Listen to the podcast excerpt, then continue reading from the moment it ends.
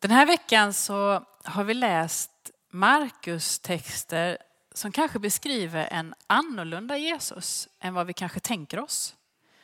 Jämfört vad vi är vana vid. Jesus verkar oresonlig. Han har kort stubin.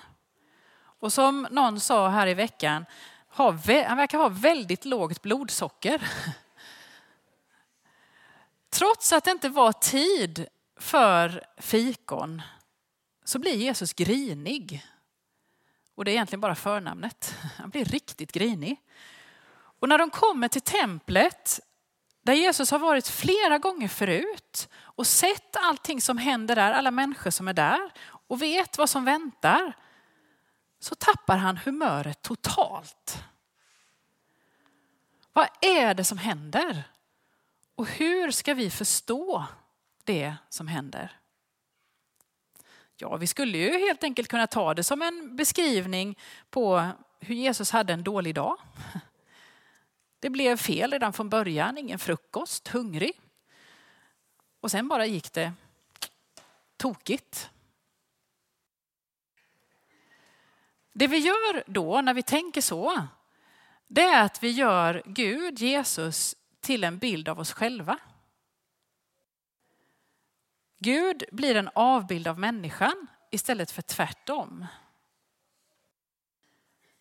Gud blir någonting som vi har skapat, någonting, någonting som vi har tänkt ut hur Gud ska vara. Gud är större än så.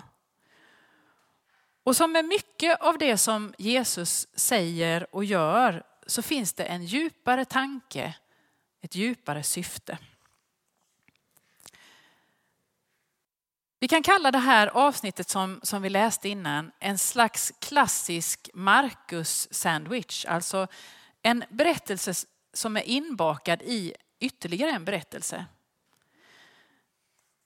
Och I det här fallet så verkar det som om det är mitten, själva smörgåsröran i brödet som är det som ska sätta smak på resten, om ni förstår bilden. Jesus kommer till templet och kan plötsligt inte vistas där som folk. Han välter omkull och förstör kommersen. Och återigen så finns det en risk att vi bara ser det lilla perspektivet att Jesus vill få bort kommersen, livet och rörelsen så att han kan få be i lite lugn och ro när han väl är där i templet. Och det är lätt att få den uppfattningen eftersom vi i vår del av världen och i vår del av tiden inte riktigt känner till det här med templets stora symbolvärde. Templet var liksom själva bilden, själva symbolen för Guds närvaro bland sitt folk. Templet var centrum för folkets identitet. Platsen från vilket allt hade sitt utgångsläge. Det var liksom hjärtat i allt. Och det Jesus säger och visar är att på den här platsen, från vilken du hämtar din identitet, din trygghet, din rätt att existera, den går inte att göra till en handelsplats.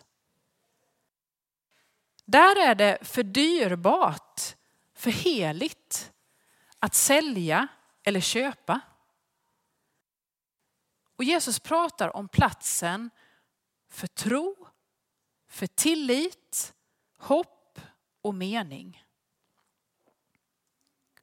Och jag tror att, att det kan leda till att vi har många viktiga frågor att ställa oss här. Händer det att vi gör vår tro, vårt hopp till en handelsplats? Händer det att vi säljer ut vår tro för reapriser, låter vårt hopp gå på auktion där den som ropar högst får ta över? Händer det att vi allt för lätt förhandlar bort vår tro till förmån för bekvämlighet, falsk trygghet,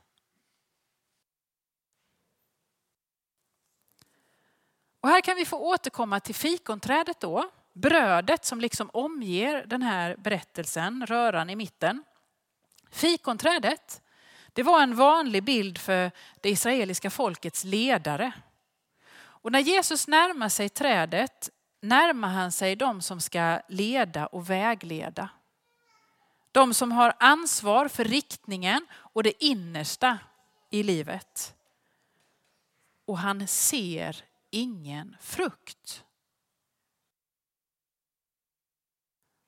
Och när Jesus nästa dag sätter ord på det som har hänt så handlar det om tro och bön.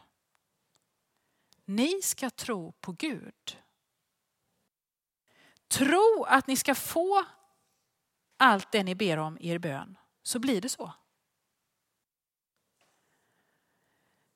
Alltså det ledarskapet brast i, det som saknades för att kunna bära frukt var tro och bön.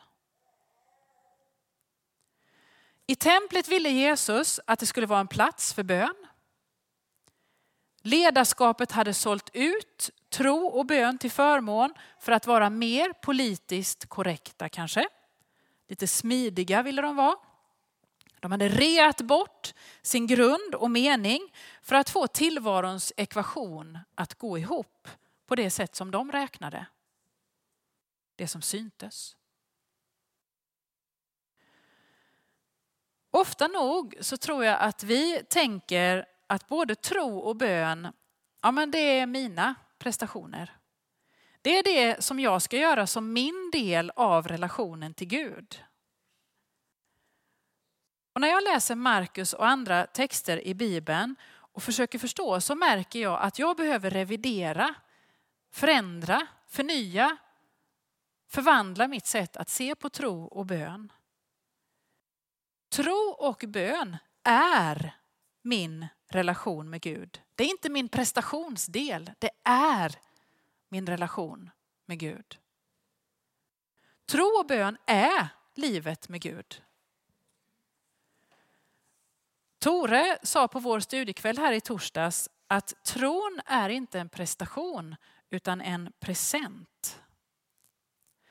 Alltså är tron och bönen det som Gud har gett oss som gåva. Vi har redan fått den. Och det är inte ett verktyg för att vi ska kunna leva i relation med Gud, utan det är relationen. Och det som redan har sträckts mig.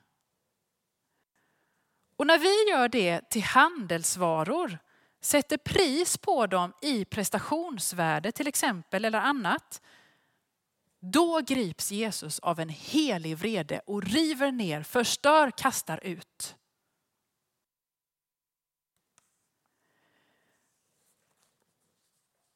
Jag tänker att tro och bön har sin början hos Gud. Det är där det börjar. I Guds längtan, i Guds kärlek till oss. Vi tror och ber därför att Gud vill leva i relation med oss. Det är därför vi tror och ber. För det börjar hos Gud.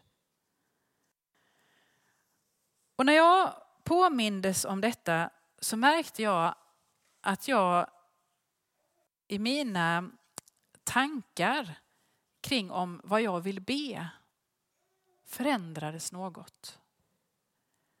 Ja, Gud vill att jag ska be om allt det jag vill. Att jag ska bli tydlig med vad jag önskar. Jag får be om allt jag vill. Och då när jag blir tydlig så kan Gud ge mig svar. Och svaren som Gud ger tänker jag då kommer handla om att vi får en fördjupad relation med Gud. För det är där bön och tro är. Och kanske bönesvaret blir något annorlunda då än det som jag hade tänkt ut som ett lämpligt svar som Gud kunde ge på min bön. Under veckan så pratade vi om bönesvar i en smågrupp och vi kom fram till att vi många gånger nog var tacksamma för att Gud inte hade svarat på bön på det sätt som vi hade tänkt ut. Att det var tur att Gud har ett annat perspektiv än vad vi har. Och i efterhand så kanske vi ofta kan se att Gud svarar mer, Gud svarar större och från ett större perspektiv än vad vi kan se. Vår tro och vår bön börjar hos Gud. Det är inte vår prestation utan det är Guds present till oss. Guds längtan efter oss. I slutet av vår text som vi läste idag så säger Jesus, när ni ställer er och ber ska ni förlåta dem som ni har något otalt med. Då ska också er fader i himlen förlåta er. Återigen, tron och bönen är större än min egen behovstillfredsställelse. Tron och bönen har med hela livet att göra eftersom Gud har med hela livet att göra. Och då handlar det om alla våra fält. Våra relationer, våra pengar, våra tankar, våra känslor, vår status, våra åsikter, våra ägodelar. Det handlar om allt. Så in i min relation med Gud har jag också med mig det som skaver i livet. Det som jag låter finnas där som kanske ett slags skydd eller raster för min relation till Gud. Min bekvämlighet, det som jag tänker om andra som antingen gör mig större eller bättre eller förminskar mig kanske. Och därför så tror jag att vi då och då behöver öva oss i att sätta ord på vem vi själva är när vi ber. Och på kristendomska så kallas det för syndabekännelse och vi gjorde det alldeles nyss. Att försöka med ord få handtag på vem är jag? Vem är jag som möter den här Guds längtan som ständigt sträcks mig? Vem är jag i tro och bön med Gud? Och så påminner vi oss på det viset om att tro och bön har med hela livet att göra. Och då har det också med mina relationer att göra. Så när jag kan be om förlåtelse eller förlåta den som har något otalt med mig så kommer det öppna dörrar ännu mer in till tro och bön till min relation, i min relation med Gud. För det har med hela livet att göra.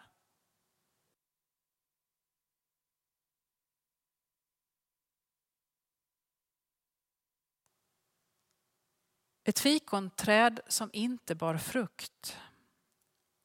Och när Jesus river runt där i handen på, tem på tempelplatsen så talar det just om allt som vi låter hindra Guds längtan och gåvor till oss. Tro och bön är att leva i och med, genom, för, av Gud. Och när vi nu alldeles snart ska fira nattvard tillsammans så får vi bli påminda om det som redan har sträckt oss. Det Gud har gjort i sin längtan till oss. Han har gett oss sin son Jesus Kristus. Han har gett oss tro och bön. Och igen och igen får vi ta emot detta på olika sätt, i gemenskap med varandra, i nattvard till exempel. I allt som är livet. Och så får vi be att det ska genomsyra oss mer och mer. Att det ska få bryta fram i våra liv. Att Guds rike ska få bryta fram i våra liv, i oss, med oss, i vår tid.